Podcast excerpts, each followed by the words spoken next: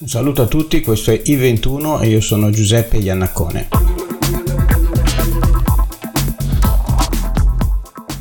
Episodio 12 di I21, una conversazione con Stefano Zamagni sulle disuguaglianze nello scenario rappresentato dalla presente fase digitale e immateriale del capitalismo.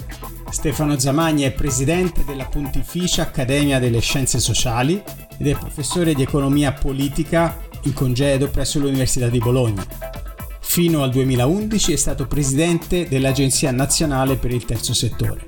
Questa conversazione è stata registrata il 14 giugno 2021 ed è disponibile su YouTube come tutte le altre conversazioni I21. Basta cercare proprio I21. Cominciamo partirei, a me piacerebbe molto, eh, se possibile, partire da um, due concetti che sono vicini ma diversi ed è bene magari per com- cominciare a conversazione chiarire un po' la differenza, cioè la povertà e la disuguaglianza, che spesso confondiamo, però sono cose che hanno origini distinte. Grazie, grazie molte. Ringrazio il professor Iannacone per l'invito che mi ha rivolto qualche tempo fa e che ho accolto con piacere. Ho tanti amici in quel di Pisa, non li vedo ormai da quasi due anni per le note ragioni, però conservo un eh, felice ricordo di tanti incontri che all'Università e a Sant'Anna eh, si sono svolti negli anni passati. Entro allora nel merito del tema e quindi anche della domanda che mi è stata rivolta, precisando subito la distinzione di cui il professor Iannacone ha fatto parola. Povertà e diseguaglianza. Sono due concetti qualitativamente diversi. Povero in senso proprio è chi, secondo le Nazioni Unite, ha meno, poco meno di 2 dollari al giorno da spendere. Quindi capiamo subito, ovviamente tenendo conto del cosiddetto potere di acquisto, cioè della parità dei poteri di acquisto, perché due dollari in un paese hanno un significato diverso dagli stessi due dollari in un altro paese. In altre parole, povero è chi, per dirla brutalmente, muore di fame, o meglio, di denutrizione. La denutrizione è una morte molto lenta e che, come sappiamo, abbassa tragicamente l'aspettativa di vita. La diseguaglianza, invece, è un concetto diverso. Che cosa misura? La distanza o con quell'indicatore a tutti noto che è il coefficiente di Gini, dal nome di Corrado Gini, italiano, fondatore dell'Istat, statistico veramente notevole, che già negli anni 30 elaborò questo indicatore con il quale oggi dappertutto si misura appunto la diseguaglianza. E quindi la diseguaglianza misura la distanza che si fa un gruppo sociale dall'altro. Poi, a essere più raffinati, bisogna dire chi ha un reddito che è inferiore al reddito mediano. Se il reddito mediano, supponiamo, è 20.000 euro all'anno e io ho meno della metà, cioè meno di 10.000, sono considerato in posizione di diseguaglianza, però non sono povero, perché con 9.500 euro no, che si conduce una vita brillante, però non si muore in senso tecnico di fame. Ora, il punto importante da comprendere e che vedo che non si riesce a far capire alla gente è il seguente che l'economia di mercato di tipo capitalistico, mentre eh, fa di tutto per eliminare la povertà, fa altrettanto di tutto per mantenere in vita le diseguaglianze. Questo può sembrare un paradosso. Perché? Ma è facile da spiegare. Perché il capitalismo non va d'accordo con la povertà? Perché i poveri, non avendo potere di acquisto, non riescono a comprare quei beni e servizi, ma soprattutto i beni che le imprese capitalistiche devono poter vendere sui mercati internazionali per fare profitto. Quindi il povero non è amico del capitale, ma al tempo stesso il capitalismo ha bisogno di tenere la diseguaglianza. Perché? Perché in questo modo riesce a, da un lato, controllare, come si dice banalmente, la piazza, cioè tenere bassi salari. Perché il giorno in cui le diseguaglianze si riducessero, è evidente che gli aumenti salariali e le rivendicazioni di tipo sindacale aumenterebbero e di questo le grandi imprese, soprattutto le grandi imprese, hanno paura. Questo allora è bene che si tenga presente perché, come dirò tra breve, ha delle conseguenze pratiche di grande momento. Secondo punto, negli ultimi 40 anni l'indice di diseguaglianza che si venga misurato con i coefficienti di Gini o col coefficiente di Taylor, un altro economista olandese famoso, eccetera, non importa, è, è aumentato enormemente rispetto ai decenni precedenti e tutto è cominciato all'inizio degli anni Ottanta. Quindi anche qui bisogna sfatare il mito secondo di coloro i quali cosiddetti ben pensanti ci raccontano che le disuguaglianze sono sempre esistite anche dall'antica, lo sappiamo bene, ma non è questo il punto. È chiaro che le disuguaglianze esistevano anche nel passato, ma quello di cui ci dobbiamo preoccupare è perché da 40 anni a questa parte, anno dopo anno, il livello delle disuguaglianze aumenta in maniera endogena. Questo è il punto. E quindi è, direi, la derivata prima, per, per usare un termine matematico, alla quale dobbiamo prestare attenzione. Perché se le disuguaglianze, come era nel passato, rimanevano in una posizione statica, uno poteva dire non è bello, però, come dire, peggio di così non si può andare. Ma oggi non è così. E l'abbiamo visto anche adesso con i dati dell'anno scorso, dove a seguito della pandemia le cinque grosse imprese del high tech, e, e cioè dire GAFAM, acronimo che sta per Google, Amazon, Facebook, Apple e Microsoft, 5, hanno aumentato i loro profitti in un anno grazie alla pandemia di 865 miliardi di dollari. In più rispetto ai profitti che normalmente anche negli anni precedenti. Ora, uno non può non interrogarsi di fronte a questo, perché questo aumento straordinario di profitti non è dovuto a una loro invenzione o a una loro scoperta e uno dice hanno avuto fortuna, no, semplicemente perché hanno, tra virgolette, approfittato di una immane disgrazia che ha colpito il mondo intero e così via. Ecco allora il, secondo punto, è il tasso di aumento nel corso del tempo delle diseguaglianze che fa problema. Terzo punto è che mentre la povertà, come ho detto prima, tende a diminuire a livello mondiale, negli ultimi 20-25 anni 2 miliardi di persone sono state sottratte alla povertà assoluta e questo è un bel risultato ed è la ragione per cui i cosiddetti neoliberisti vantano gloria per dire avete visto quello che noi facciamo. Ed è vero, però si dimenticano di raccontare l'altra parte della verità di cui ho detto, cioè l'aumento delle diseguaglianze. Perché allora questo aumento delle diseguaglianze è così inquietante? Primo, per ragioni di natura etica, e su questo direi che ormai c'è l'accordo unanime. Secondo, perché l'aumento endemico e sistemico delle diseguaglianze minaccia la democrazia. E questo è un punto che non viene sufficientemente compreso anche dalle persone di cultura. Vi siete mai chiesti perché prima di 25-30 anni fa nessuno parlava di populismo?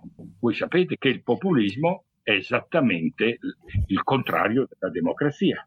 Chiaro, anche se qualcuno chiama democrazia populistica, che è una contraddizione in termini, solo persone non colte possono fare questi discorsi, ma perché il populismo ha la sua dice, diciamo, bacino di utenza nell'aumento delle diseguaglianze. La famosa curva dell'elefante di Branko Milanovic, curva dell'elefante perché assomiglia ad un elefante con le zampe anteriori a terra e con la proboscide, che è la parte quasi verticale.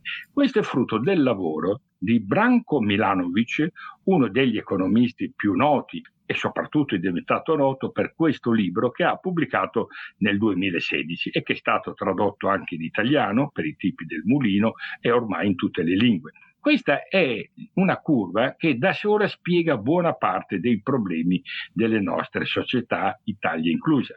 E cioè, cosa fa vedere? Vedete che sull'asse delle eh, ascisse ci sono i cosiddetti decili in base al criterio appunto della ricchezza. I più poveri sono sul lato sinistro, mano a mano che si procede sul verso destra aumenta il gruppo di coloro che sono ricchi. Invece sull'asse verticale sono, è rappresentato il tasso di incremento del reddito a livello globale. Il periodo che Milanovic ha preso in considerazione è il ventennio eh, che va dal 1988 al 2008. Ecco l'andamento. E cioè i poveri quelli che sono sino, eh, diciamo, e occupavano il 35-40 eh, percentile, in questo torno di tempo hanno enormemente aumentato il loro benessere. Quello che ho detto prima, cioè i, i poveri sono diminuiti e lo vedete dal fatto che la curva eh, dall'origine fino a, in corrispondenza più o meno a 40-45 è crescente. La seconda caratteristica invece e lì è il tratto decrescente della curva, indica che i gruppi sociali che noi in Italia abbiamo identificato con il concetto di classi medie, le cosiddette classi medie, nello stesso torno di tempo hanno diminuito potentemente il tasso di aumento del loro reddito. E quindi lo vedete, dal decile 45 fino a 75-78 la curva è discendente. E questo spiega il fenomeno del populismo, perché chi alimenta il populismo, chi ha votato per Trump, non erano i poveri, ma quel ceto medio che per la ragione che dopo vedremo ha visto diminuire la propria posizione di benessere relativo. Proposcite verticale sta a indicare che c'è un'elite che il 10% e soprattutto l'1%, vedete che in corrispondenza di 99, che lì non si vede il numero, vedete che il, la, la curva diventa sostanzialmente verticale, per dire che sempre in quel periodo quel 10% ha visto aumentare enormemente la propria ricchezza e anche, meglio ancora, il proprio reddito e così via. Ecco allora perché l'aumento endemico delle disuguaglianze è pericoloso, perché distrugge la democrazia, perché l'attivazione di propagande di tipo populistico e di politiche populistiche, da, pensate al sovranismo, l'idea balzana che se uno si chiude in se stesso va a migliorare, ma si può essere più imbecilli di così? Eppure, e a me dispiace dirlo, anche alcuni economisti, pure nel nostro paese, eh, sosten- io sono certo che in cuor loro lo sanno che è falso, però per ragioni di opportunità personale o partitica hanno dovuto sostenere la posizione di politici populisti che eh, hanno, non adesso, ma fino a un anno e mezzo fa all'inizio dello scoppio della pandemia, ritenevano che se l'Italia fosse uscita dal, dall'euro, seguendo il modello dell'Inghilterra, e si fosse sostanzialmente distaccata dall'Unione Europea, le condizioni di vita degli italiani sarebbero migliorate. Questa è la delinquenza più grossa, ma più grossa in assoluto. Io spero che chi l'ha alimentata sia in buona fede pur essendo nell'errore, perché diversamente sarei piuttosto preoccupato, perché questa è una menzogna e su questo l'accordo è unanime da parte di tutti, di tutti gli studiosi, dai premi Nobel ad altri, di tutti i paesi, indipendentemente dalle loro preferenze di natura politica. Terzo punto, o quarto adesso non ricordo, la domanda adesso cruciale è come mai. Aspetta un attimo, facciamo una cosa. Eh, volevo giusto rimanere un, un attimo su questo, su questo, grafico e volevo magari sottolineare un aspetto che effettivamente la, la cosa che come tradisce un po' la, la, la, curva del grafico rispetto a quello che uno si immagina è che in realtà la distribuzione dei vari percentili varia molto geograficamente. Effettivamente, come, come dicevi tu, il top 25%, diciamo dal 75% in su, è soprattutto concentrato nei paesi, come dire, cosiddetti avanzati, no? per cui effettivamente là c'è stato un grosso aumento della, de, della disuguaglianza. In, in realtà l'aumento di disuguaglianza c'è stato un po', un po', dappertutto, però effettivamente nei paesi cosiddetti avanzati questo aumento della disuguaglianza ha coinciso con l'impoverimento delle classi medie, no? che è il ragionamento che facevi. E questo ha poi dei contraccolpi forti eh, di tipo politico. Ecco, non abbiamo parlato invece della, di quello che c'è in basso a sinistra e effettivamente purtroppo ci sono ancora ampie regioni nel, nel mondo che non hanno visto nessun tipo di crescita, cioè che partivano povere e sono rimaste fortemente povere, no? È vero. Oggi i poveri, nel senso che ho chiarito all'inizio, sono stimati dell'ordine di 900 milioni e la pandemia i dati li avremo alla fine di questo anno, si parla di un ulteriore aumento di 100-150 milioni a, a, seguito appunto della pandemia. Quindi è ancora una massa notevole, però come ho detto prima, il dato del 2000 parlava di 3 miliardi e mezzo di poveri. Quindi ecco perché si può dire che la globalizzazione e la quarta rivoluzione industriale sono valsi a ridurre la povertà, anche se i risultati finora conseguiti non possono considerarci soddisfatti appieno. Però questo è. Ma la ragione, ripeto, è che il modello capitalistico non vuole la povertà.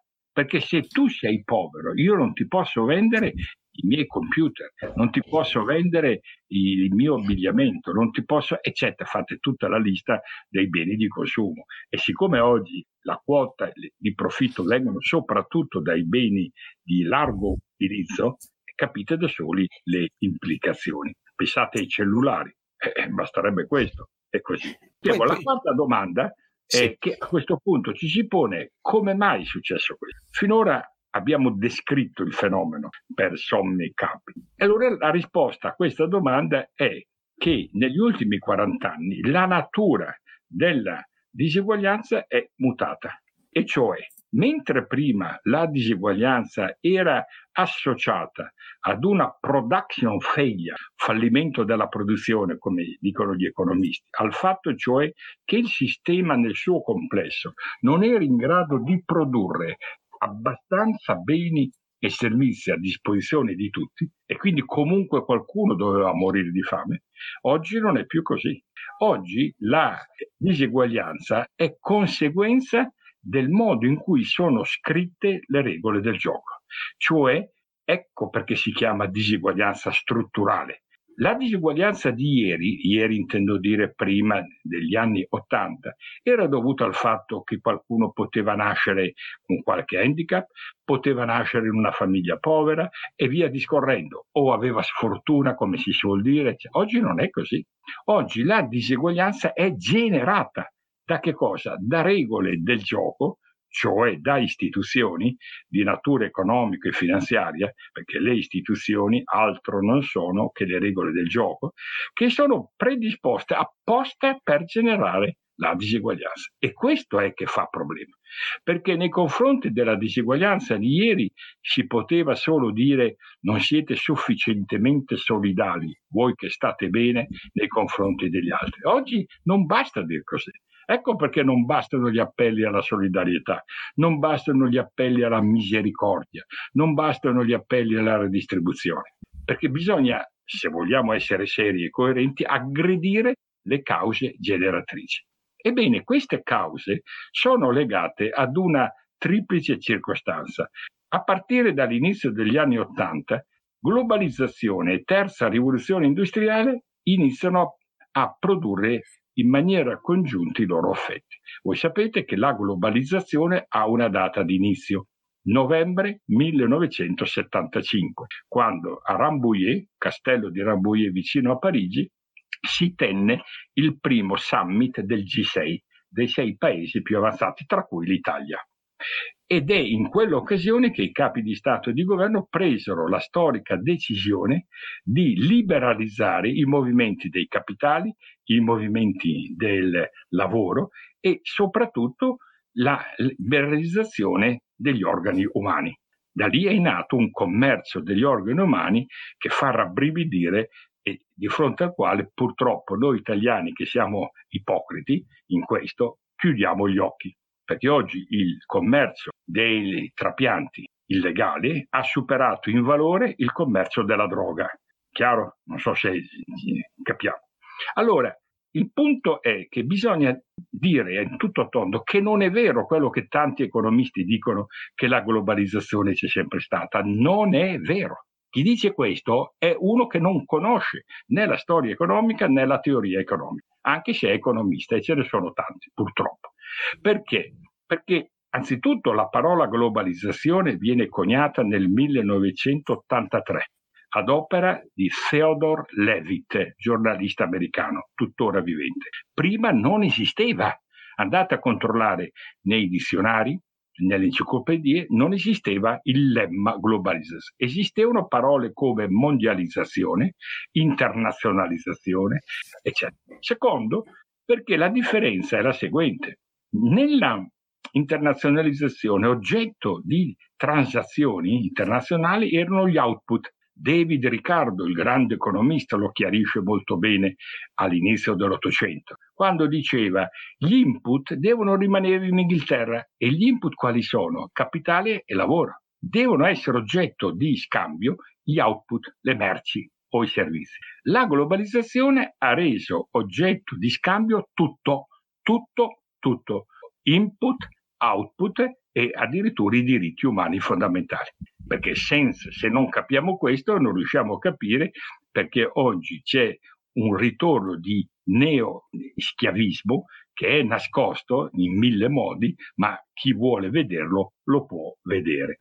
La terza rivoluzione industriale. Una, una, un attimo prima Prego. di arrivare su questo punto, secondo me è importante perché prima hai parlato del, de, del sovranismo, che vedo molto collegato a questo punto, perché di, di, di fatto un'analisi eh, cioè la, l'analisi del, del, sovranista spesso eh, è di questo tipo. La globalizzazione ha portato una serie di guai, dobbiamo ritornare indietro. No? E, e, e, questo è un, un assunto che eh, presenta una serie di problemi, no? da, un, da, un, lato pratico, pratici e da un lato problemi di tipo anche fondamentale, cioè dal punto di vista pratico, il problema pratico è legato al fatto che la globalizzazione è un fenomeno mondiale e, e riportarlo indietro lo, localmente è praticamente impossibile. No. L'altra cosa è che semplicemente il tempo non torna indietro, no? quindi le cose non, non, non si riescono esatto, a riportare. Esatto, chi ragiona così è come quello che, avendo male di testa, si taglia la testa. È esattamente uguale, perché il vero problema è che la globalizzazione è stata gestita fino a pochissimi anni fa, fino alla grande crisi finanziaria del 2008 e il seguito, in maniera seguendo il canone neoliberista. Quello è stato l'errore, cioè la globalizzazione è avvenuta senza una governance. Questo è il punto. Quindi non è che bisogna bloccare la o tornare indietro. A parte il fatto che non, non è possibile, chi dice questo è uno stupido che non sa le cose. Perché tu, per evitare i danni della globalizzazione, devi introdurre quello che dicevo prima delle regole del gioco, e cioè dire impostare una governance sulla globalizzazione di un certo tipo piuttosto che un altro. Giocando sull'ignoranza diffusa, chi in questa prima fase storica ha vinto è il modello neoliberista, che vuole detto lasciamo fare liberamente i mercati, si aggiusterà tutto, la solita menata che si dice sempre, la mano invisibile, eccetera. Sono tutte sciocchezze di chi non sa, non ha mai letto Adam Smith e quindi interpreta la, la mano invisibile come purtroppo ci accade di leggerlo eh, sui giornali, eccetera. Ma c'era un'altra alternativa, quella che oggi è nota come, attenzione, democratic enhancing eh, globalization procedure, cioè dire una governance della globalizzazione che serva a aumentare, enhance vuol dire favorire la democrazia.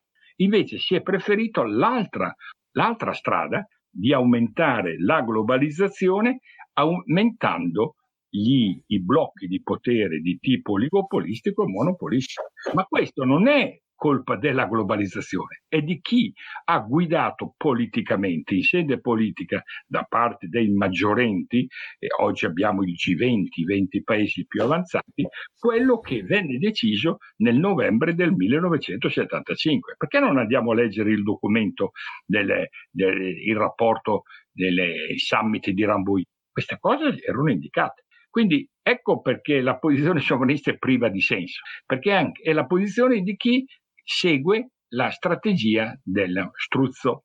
Lo struzzo, quando si vede calzato dal cacciatore, nasconde la testa, pensando che il cacciatore non lo veda, e invece è la volta che viene colpito. Quindi questo è un punto certo, che per chi ha a cuore il bene comune è molto più faticoso trovare i modi di cambiare le regole del gioco che non dire chiudiamoci, chiudiamo i confini, chiudiamoci in noi stessi, perché questo favorisce la pigrizia sia a livello mentale sia a livello propriamente politico. L'altro fattore, dicevo, è quel concomitante e che poteva non essere, eh? non poteva non essere, è la terza rivoluzione industriale.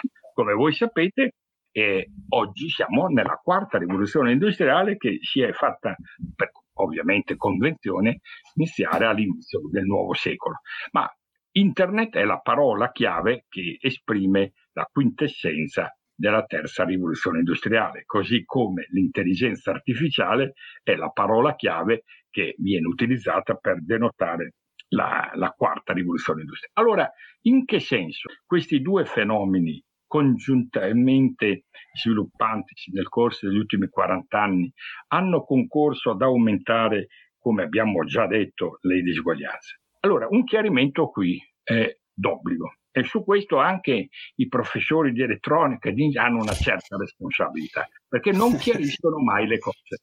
E io tiro le orecchie, io non ho difficoltà ad accusare me stesso o la, il gruppo a cui appartengo perché basta con queste forme. La verità va detta anche se dà fastidio. Però al tempo stesso devo riconoscere che anche altre categorie. In questo caso, qual è la, più che l'errore? Perché non si parla e non si chiarisce alla gente la differenza che c'è tra automazione e intelligenza artificiale? Sono due cose diverse.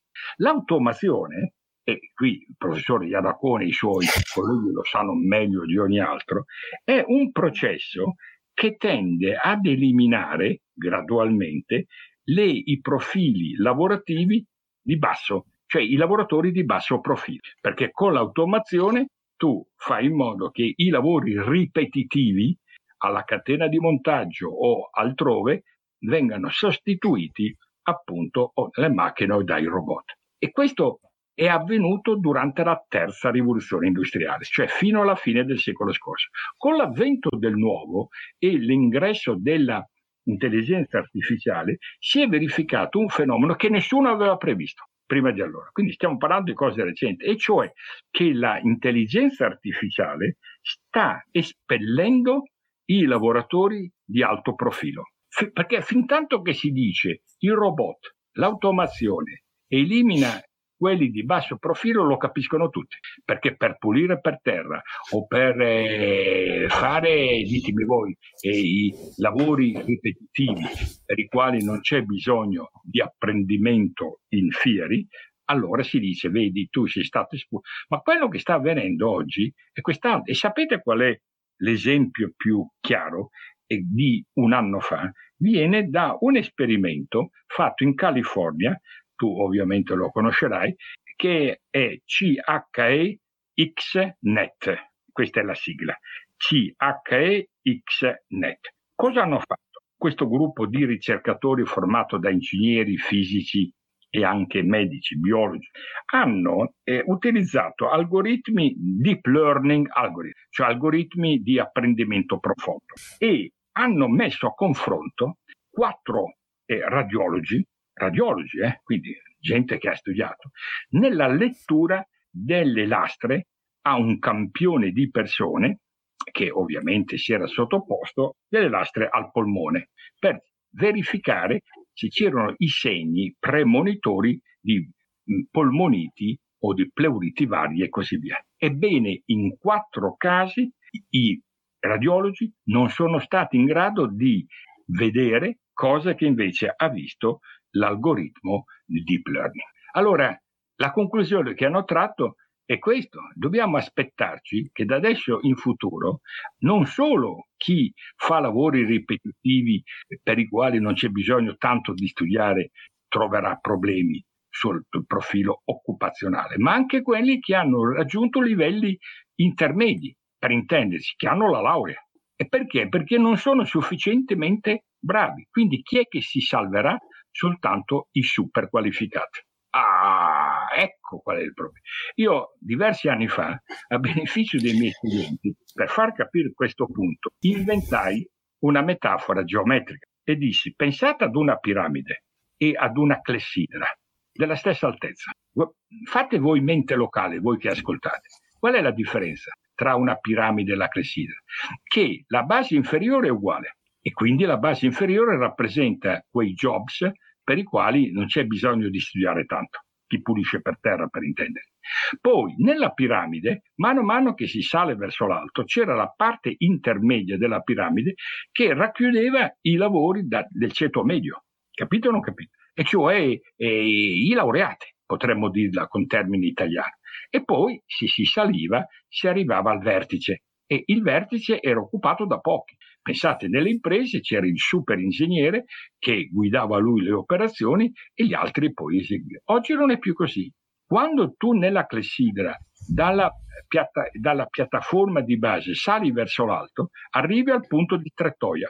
Perché nella clessidra, la parte intermedia, che cosa vuol dire? Vuol dire che anche i profili, i, i laureati, in senso lato, oggi non hanno più la stessa possibilità di perché o vanno verso l'alto, che prendono il dottorato di ricerca e via di cose analoghe, e allora verso l'alto non c'è più il vertice della piramide, ma c'è una base superiore, che vuol dire che le imprese oggi fanno a gara per portarsi via i super specializzati, ma dei no normali specializzati non sanno che farsene. Far capire questo è una fatica enorme, soprattutto in Italia perché la gente non vuole capire, non perché sia stupida, ma non lo vuole capire. Ma io che parlo con le imprese, vado a vedere, vado a interrogare, questo lo posso testimoniare.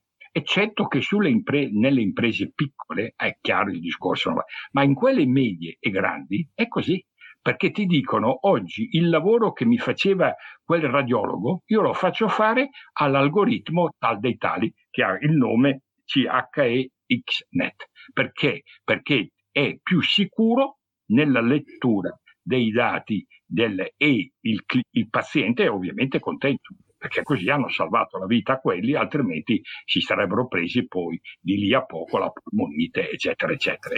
Questi sono è un esempio recente, ma altri sono in corso di. Quindi ecco allora cominciamo a capire perché il ceto medio ha perso posizione da noi. Eh nei paesi dell'Occidente avanzato. Ecco perché, altrimenti quella curva di, di, dell'elefante come si fa a spiegare? Perché la curva mostra il dato, ma bisogna interpretarlo. Perché il ceto medio da chi è formato? Da diplomati e laureati. Allora uno bisogna pure che sia intelligente si chieda come mai loro hanno perso. La spiegazione è questa, perché evidentemente l'ingresso sempre più massiccio delle nuove forme di digitale, ripeto l'intelligenza artificiale, soprattutto quella del eh, machine learning e via discorrendo, cose che ormai sono entrate nel lessico comune, sta determinando questo processo di sostituzione. Adesso se uno si chiede allora che fare, e qui entriamo nel bello, però bisogna dire che le politiche finora seguite sono tutte sbagliate, tutte, tutte, tutte. e quindi sì. aggravano la situazione. Ecco, Perché bisogna, la soluzione c'è ovviamente, non è che non ci sia, però bisogna che la classe politica, la classe dirigente capisca questo fenomeno e si adoperi per porre adesso rimedio. Ripeto, i rimedi ci sono. Chi dice il contrario è un impostore che non vuole il bene della gente. E, ehm, aggiungo qualcosa se, se, mm, che penso possa essere utile. De- devo dire che in, in realtà, proprio per, per, mm, precisare qualche cosa dal punto di vista tecnologico, è stata più un'estensione dell'automazione anche basata su su un uso estensivo dei calcolatori che, che ha portato a, questo, a, a, questa sostituzione di lavori cosiddetti di concetto con, con, con, automi, perché probabilmente l'intelligenza artificiale è una cosa che nell'accezione, diciamo, dopo tecnica di intelligenza artificiale è più ridotta, è ancora ridotta e in onestamente... Italia, no, ma in, direi, in, generale, come impatto generale, è meno, ha meno capacità di quelle che, che attualmente gli, gli, diamo. Ecco, per il futuro la, la, direzione è preoccupante, però devo dire che effettivamente è molto di quello che noi chiamiamo automazione o pervasività del, dell'information technology, che ha automatizzato lavori che erano ritenuti di concetto, no? ecco. E però il problema oggettivamente c'è, diciamo, il problema è nel, nel, di una progressiva progressivo disadattamento delle capacità di lavoro del, del, del ceto medio con, con l'impiegabilità diciamo, nei, nei, settori produttivi effettivamente c'è e chiaramente è la causa di, un, di, di, di questa, questa um, curva dell'elefante e di un possibile aggravamento anche della curva dell'elefante, che al momento attuale potrebbe benissimo continuare. Com- come dicevi tu, le politiche che abbiamo adesso in vigore effettivamente non hanno nessuna capacità di cambiare questa curva. E no, tu che suggerisci? Io infatti quello che ho detto trae spunto da quanto sta accadendo nel corso degli ultimi anni, ma io penso al futuro. Perché certo. è vero che fino adesso chi l'ha fatta da padrone è stata l'automazione, eh, però l'ho detto, è solo col nuovo secolo, quindi vent'anni, che è cominciato a emergere con l'ingresso e più in certi paesi e meno in altri, il, beh, guarda la Germania, eh, il processo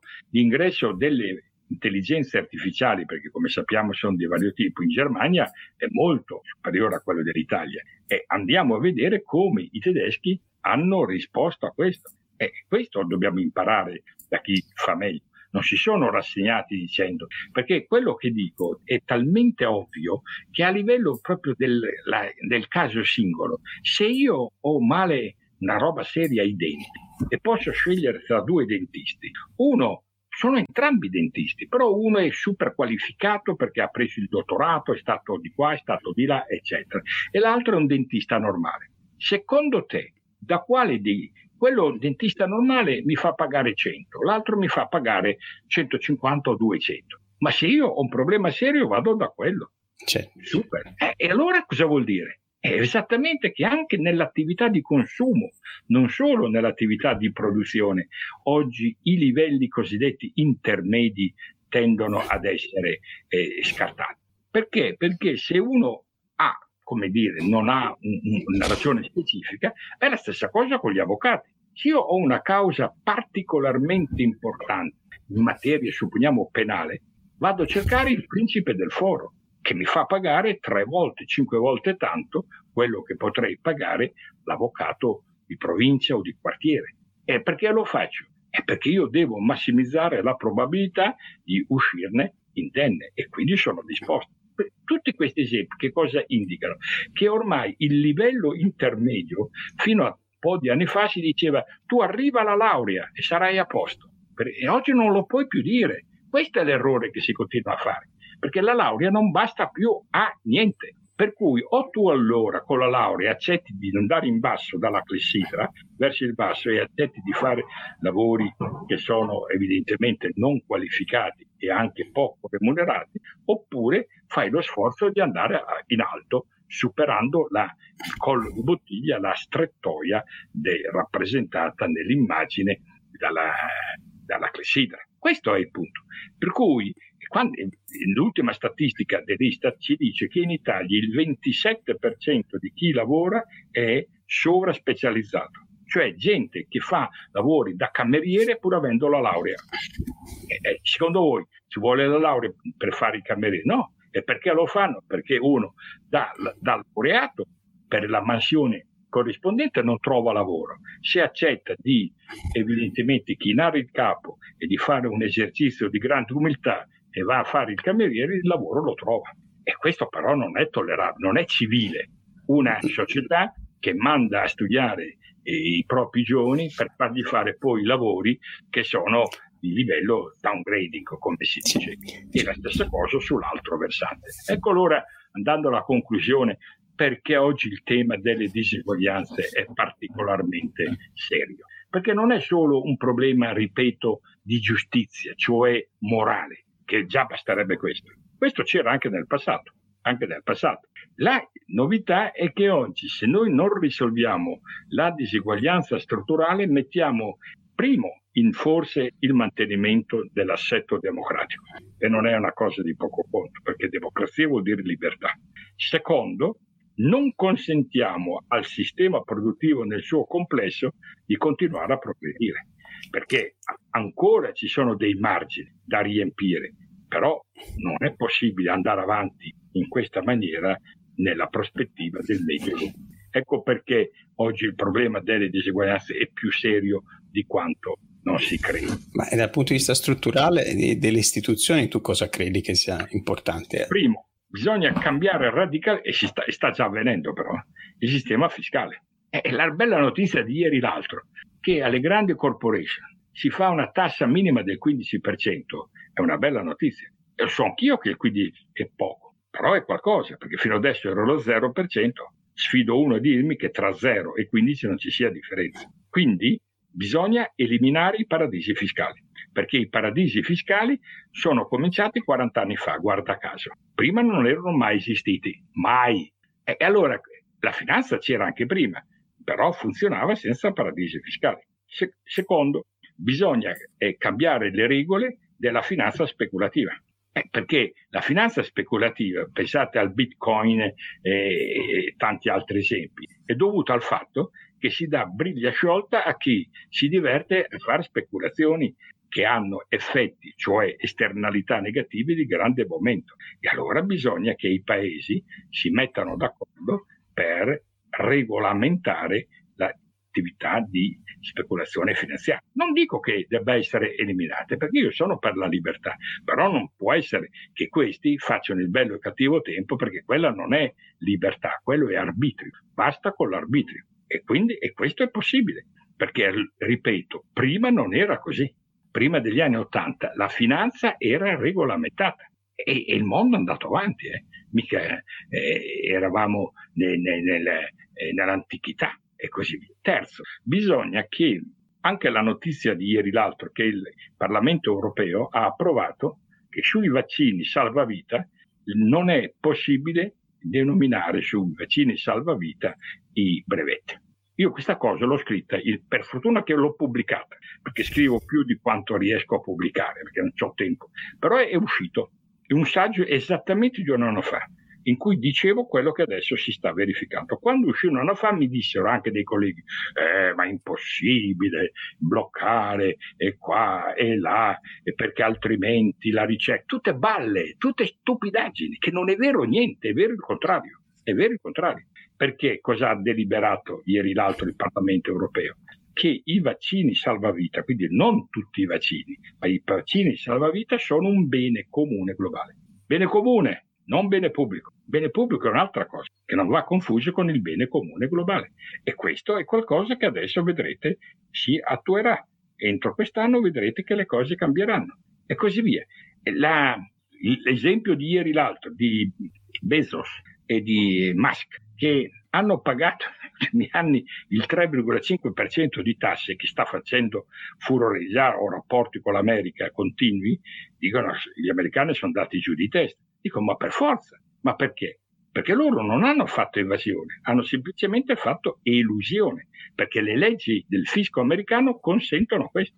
E se voi mi chiedete il perché, lì c'è dietro tutta una teorizzazione che evidentemente oggi non può essere più accettata. Allora, cambiare le regole del gioco vuol dire cambiare le regole del sistema fiscale, perché il principio base è che le tasse le devono pagare i soggetti improduttivi, mentre invece da noi in Italia chi paga più tasse sono i lavoratori, eh, che sono produttivi, e anche le imprese, perché le extra profitti hanno la natura della rendita, non del profitto, e la rendita è sempre parassitaria. Voi sapete che in Italia la quota della rendita sul PIL è il 33%, mentre il massimo tollerabile è, sarebbe il 15-16%.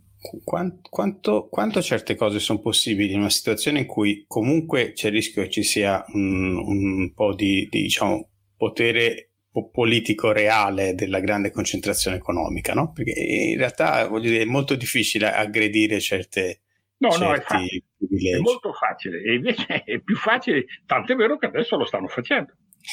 Eh vabbè, ma eh, io devo dire, sono meno ottimista di te. No, ma non è questione ottimista. È vero o non è vero che hanno introdotto la tassa minima del 15? Sì. È vero o non è vero che adesso si andrà... È una tassa, è una tassa sui profitti, eh, che quindi è un po' delicata come... Esatto. È, è vero o non è vero che verrà introdotta una tassa sulla ricchezza? Tutti dicono no, ma volete scommettere con me che fra un, due o tre anni verrà introdotta? Perché non c'è altra alternativa. Cioè, ma la gente, io non so come faccia a ragionare. Il punto è che siamo sulla, sul crinale ed è, sono gli stessi imprenditori o manager, super manager, CEO che lo stanno chiedendo. Cioè quelli che hanno il sale in zucca e lo stanno chiedendo non perché sono diventati filantropi, ma per il loro interesse, perché sanno che si, si va avanti in questa direzione, loro saranno i primi a rimetterci.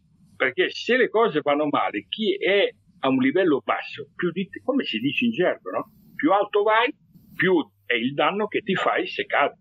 Eh, ma queste cose si devono sapere.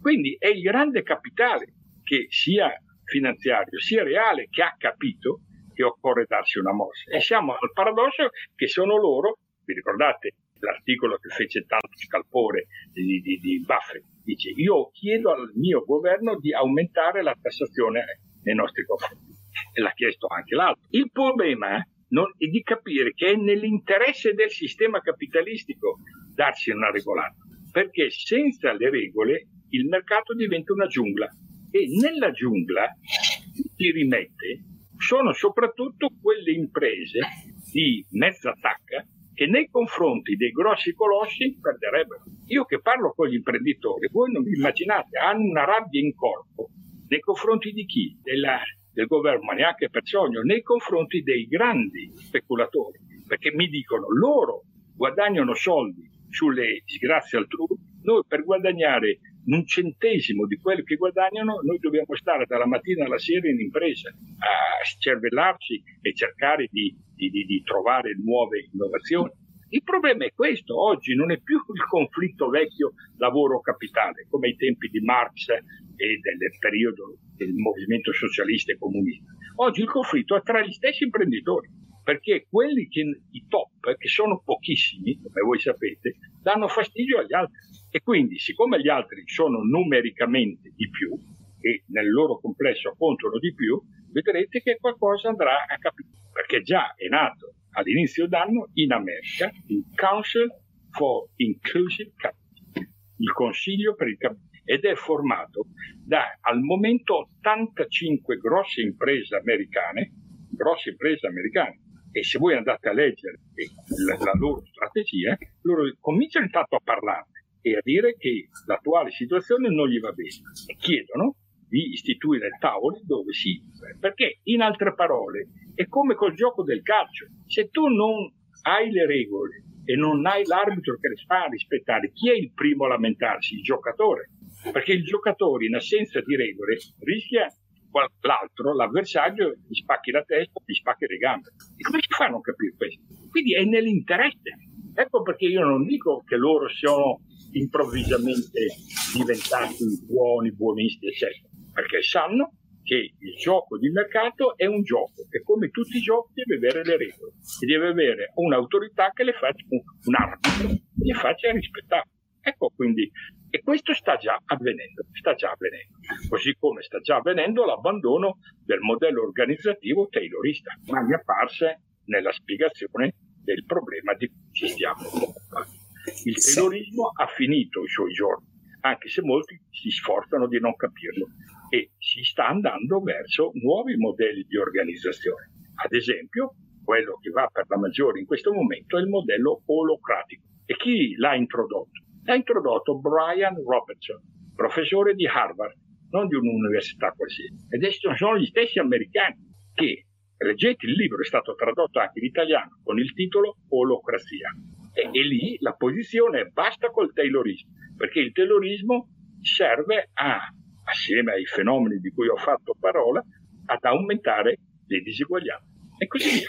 Quindi queste cose stanno avvenendo, noi non riusciamo a vedere perché ne vediamo al massimo uno alla volta, ma se le prendiamo nel loro insieme è evidente, per poi non parlare della questione climatica. Eh, ormai sul problema del clima c'è poco da discutere anche quelle che hanno tergiversato quelle imprese perché hanno fatto soldi con l'inquinamento, voi vedrete che botta che andranno a prendere fra qualche tempo, quando la decarbonizzazione e chi la vuole la decarbonizzazione? Tutti gli altri. Quindi anche se tu sei potente, eh, però sei uno, oppure sei un gruppo, gli altri e i cittadini, quando poi si arrabbiano, sappiamo quello che fanno. Ora in Italia noi non siamo ancora arrivati a quel punto di rottura, ma in altri paesi sì. E il fenomeno si sta, si sta diffondendo.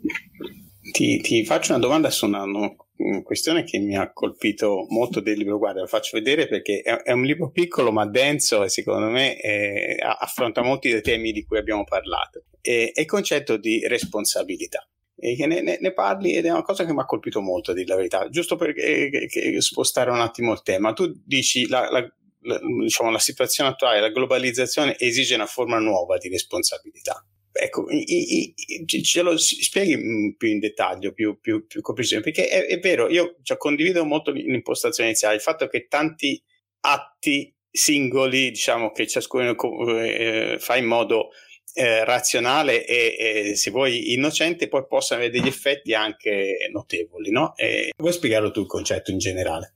Dunque la parola responsabilità è oggi una di quelle direi più inflazionate e si corre quindi il rischio di perdere di vista il suo significato proprio. Due sono i concetti di responsabilità associati alle due parole latine da cui la parola italiana responsabilità è tratta. L'una lega responsabilità al verbo respondere, che in latino vuol dire rispondere. Questo è il concetto più antico, quello che è sulla bocca di tutti. Io sono responsabile per le azioni che compio, o meglio, per le conseguenze che discendono dalle azioni che compio. Io vado con la macchina, eh, spacco qualcosa e rispondo di quello che... Questa è la nozione di responsabilità come imputabilità per usare il termine giuridico appropriato. Io so, mi si imputa eh, quello che ho fatto perché causa di esternalità negative o di danni specifici nei confronti di qualcuno. Ma c'è un secondo concetto di responsabilità che deriva dal latino respondus, che significa il peso delle cose. Secondo questa accezione, responsabile è chi si carica sulle spalle il peso delle cose, cioè dire chi capisce che vivendo in un determinato contesto, paese o regione o città, non importa, se è nelle condizioni di poter fare qualcosa per migliorare la situazione e non lo fa, è responsabile. Che vuol dire che questo è il concetto di responsabilità come prendersi cura prendersi cura. L'altro è imputabilità. Qui io, nel primo caso io sono responsabile per quel che faccio. Nel secondo caso sono responsabile per quel che non faccio e che avrei potuto fare. È tutto lì il punto. Fin tanto che nelle scuole non si spiegano queste cose, dai bambini su su, non ne verremo fuori. La colpa è dei professori, che sono degli irresponsabili, perché no, queste cose forse non le sanno, però potrebbero saperle e c'è un episodio, oh, pensate Don Lorenzo Milani, che è uno delle vostre parti. Don Lorenzo Milani nel 62 sulla porta della scuola di Barbiana, su in alto, cosa scrisse? In inglese, I care, che vuol dire mi prendo cura. Lui non era tenuto a fare la scuola, a fare scuola ai bambini, quei contadini poveri, poveri, eccetera, però l'ha fatto. E allora? E allora perché siamo così ipocriti da stracciarsi le vesti perché uno passa col rosso? Sto facendo un esempio. E non, ci, e non picchiamo in testa quelli che potendo fare non fanno il bene possibile? Guardate che il vizio di omissione è sempre più grave del vizio di commissione. Ed è chiaro che anche la nostra giustizia, magistratura deve cambiare. E tu si parla della riforma, de... tutte cose anche vere, ma sono tutte sciocchezza al confronto questo. Bisogna spiegare ai giudici che devono condannare quelli che non fanno il bene, pur potendolo fare. No, no, tu ridi, ma no. c'è già un principio. Il cosiddetto reato di mancato soccorso. Certo. Eh, eh, scusa, e allora se c'è, basta allargare quello. Tu guarda il caso lì della uh, funivia, uguale. L'altro sapeva che ma dice però non è il mio compito, il compito di manutenzionare era di quell'altro, tu hai visto che, eccetera, anche se non era il tuo compito, tu dovevi farlo.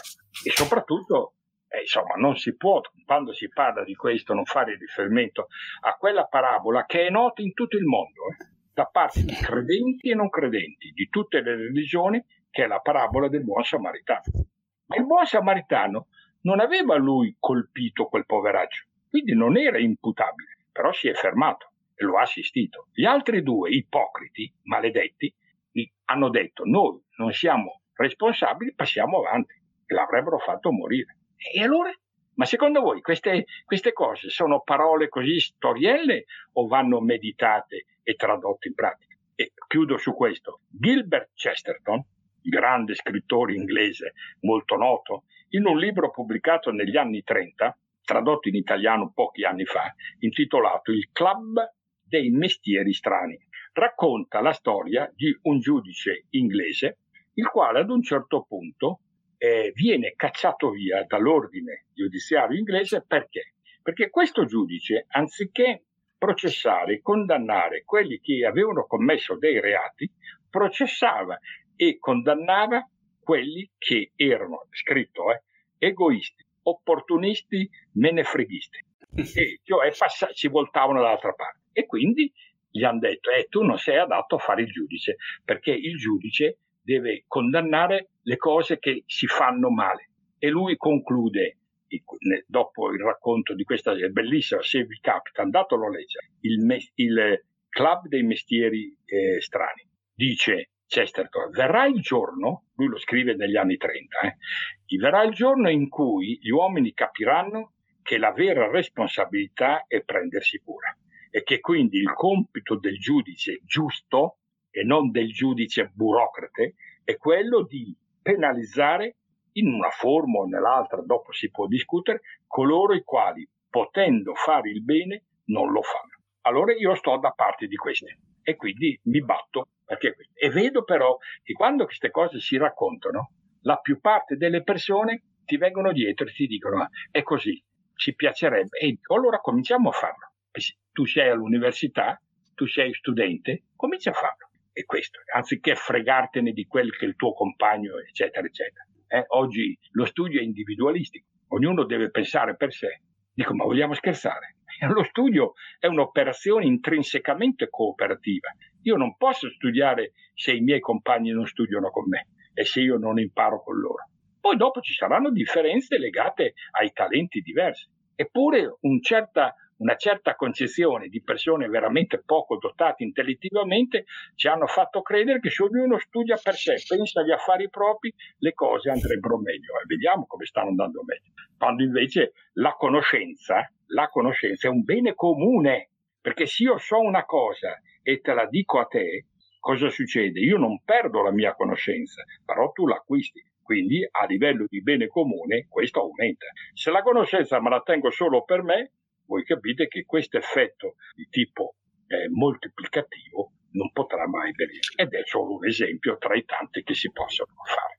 Senti, ti passo un commento dal, da, da, parte di un ascoltatore, guarda, lo giro, che è, ehm, è, un commento legato a una cosa che dicevi tu a proposito di quella metafora della clessidra. E, e dice, beh, evidenzia un altro problema che oggettivamente c'è, no? E cioè il fatto che eh, effettivamente spesso, eh, almeno in Italia, c'è un mismatch, no? anche nella parte alta della clessidra, perché anche molto specializzati in realtà nel tessuto economico nazionale spesso non riescono a, a essere assorbiti no? e, e, e, c'è un, un, um, una, una, fuoriuscita. Abbiamo noi un'emigrazione anche di, di persone f- molto formate e molto ben diciamo, adeguate al, a, ad, un, ad, un, tessuto economico moderno. E questo è un problema spiccatamente nazionale, direi. No? Che... È vero chi l'ha detto è intelligente, è proprio così. Questo, ma questo infatti è il nostro cancro. Cioè noi da 22 anni la produttività del sistema italiano è da 22 anni in calo e la ragione è questa qui. E cioè abbiamo quelle imprese che o per via di dimensione oppure perché hanno una concezione dinastica nell'impresa tendono a non occupare persone molto specializzate che potrebbero invece migliorare la performance. L'esempio tipico è il fondatore dell'impresa, l'imprenditore che ad un certo punto ha i figli e dice metti il figlio che però eh, è un poco di buono a governare e quel figlio cosa farà? Farà precipitare e soprattutto non assumerà ad esempio il super ingegnere bravo perché è geloso dal momento che non riuscirebbe a stargli dietro. E di questi casi io ho l'agenda strapiena, potrei fare nome e cognome, è una vergogna. E l'autorità pubblica in questo caso deve intervenire e deve dire io ti tolgo la possibilità, come avviene ad esempio in Germania e negli Stati Uniti.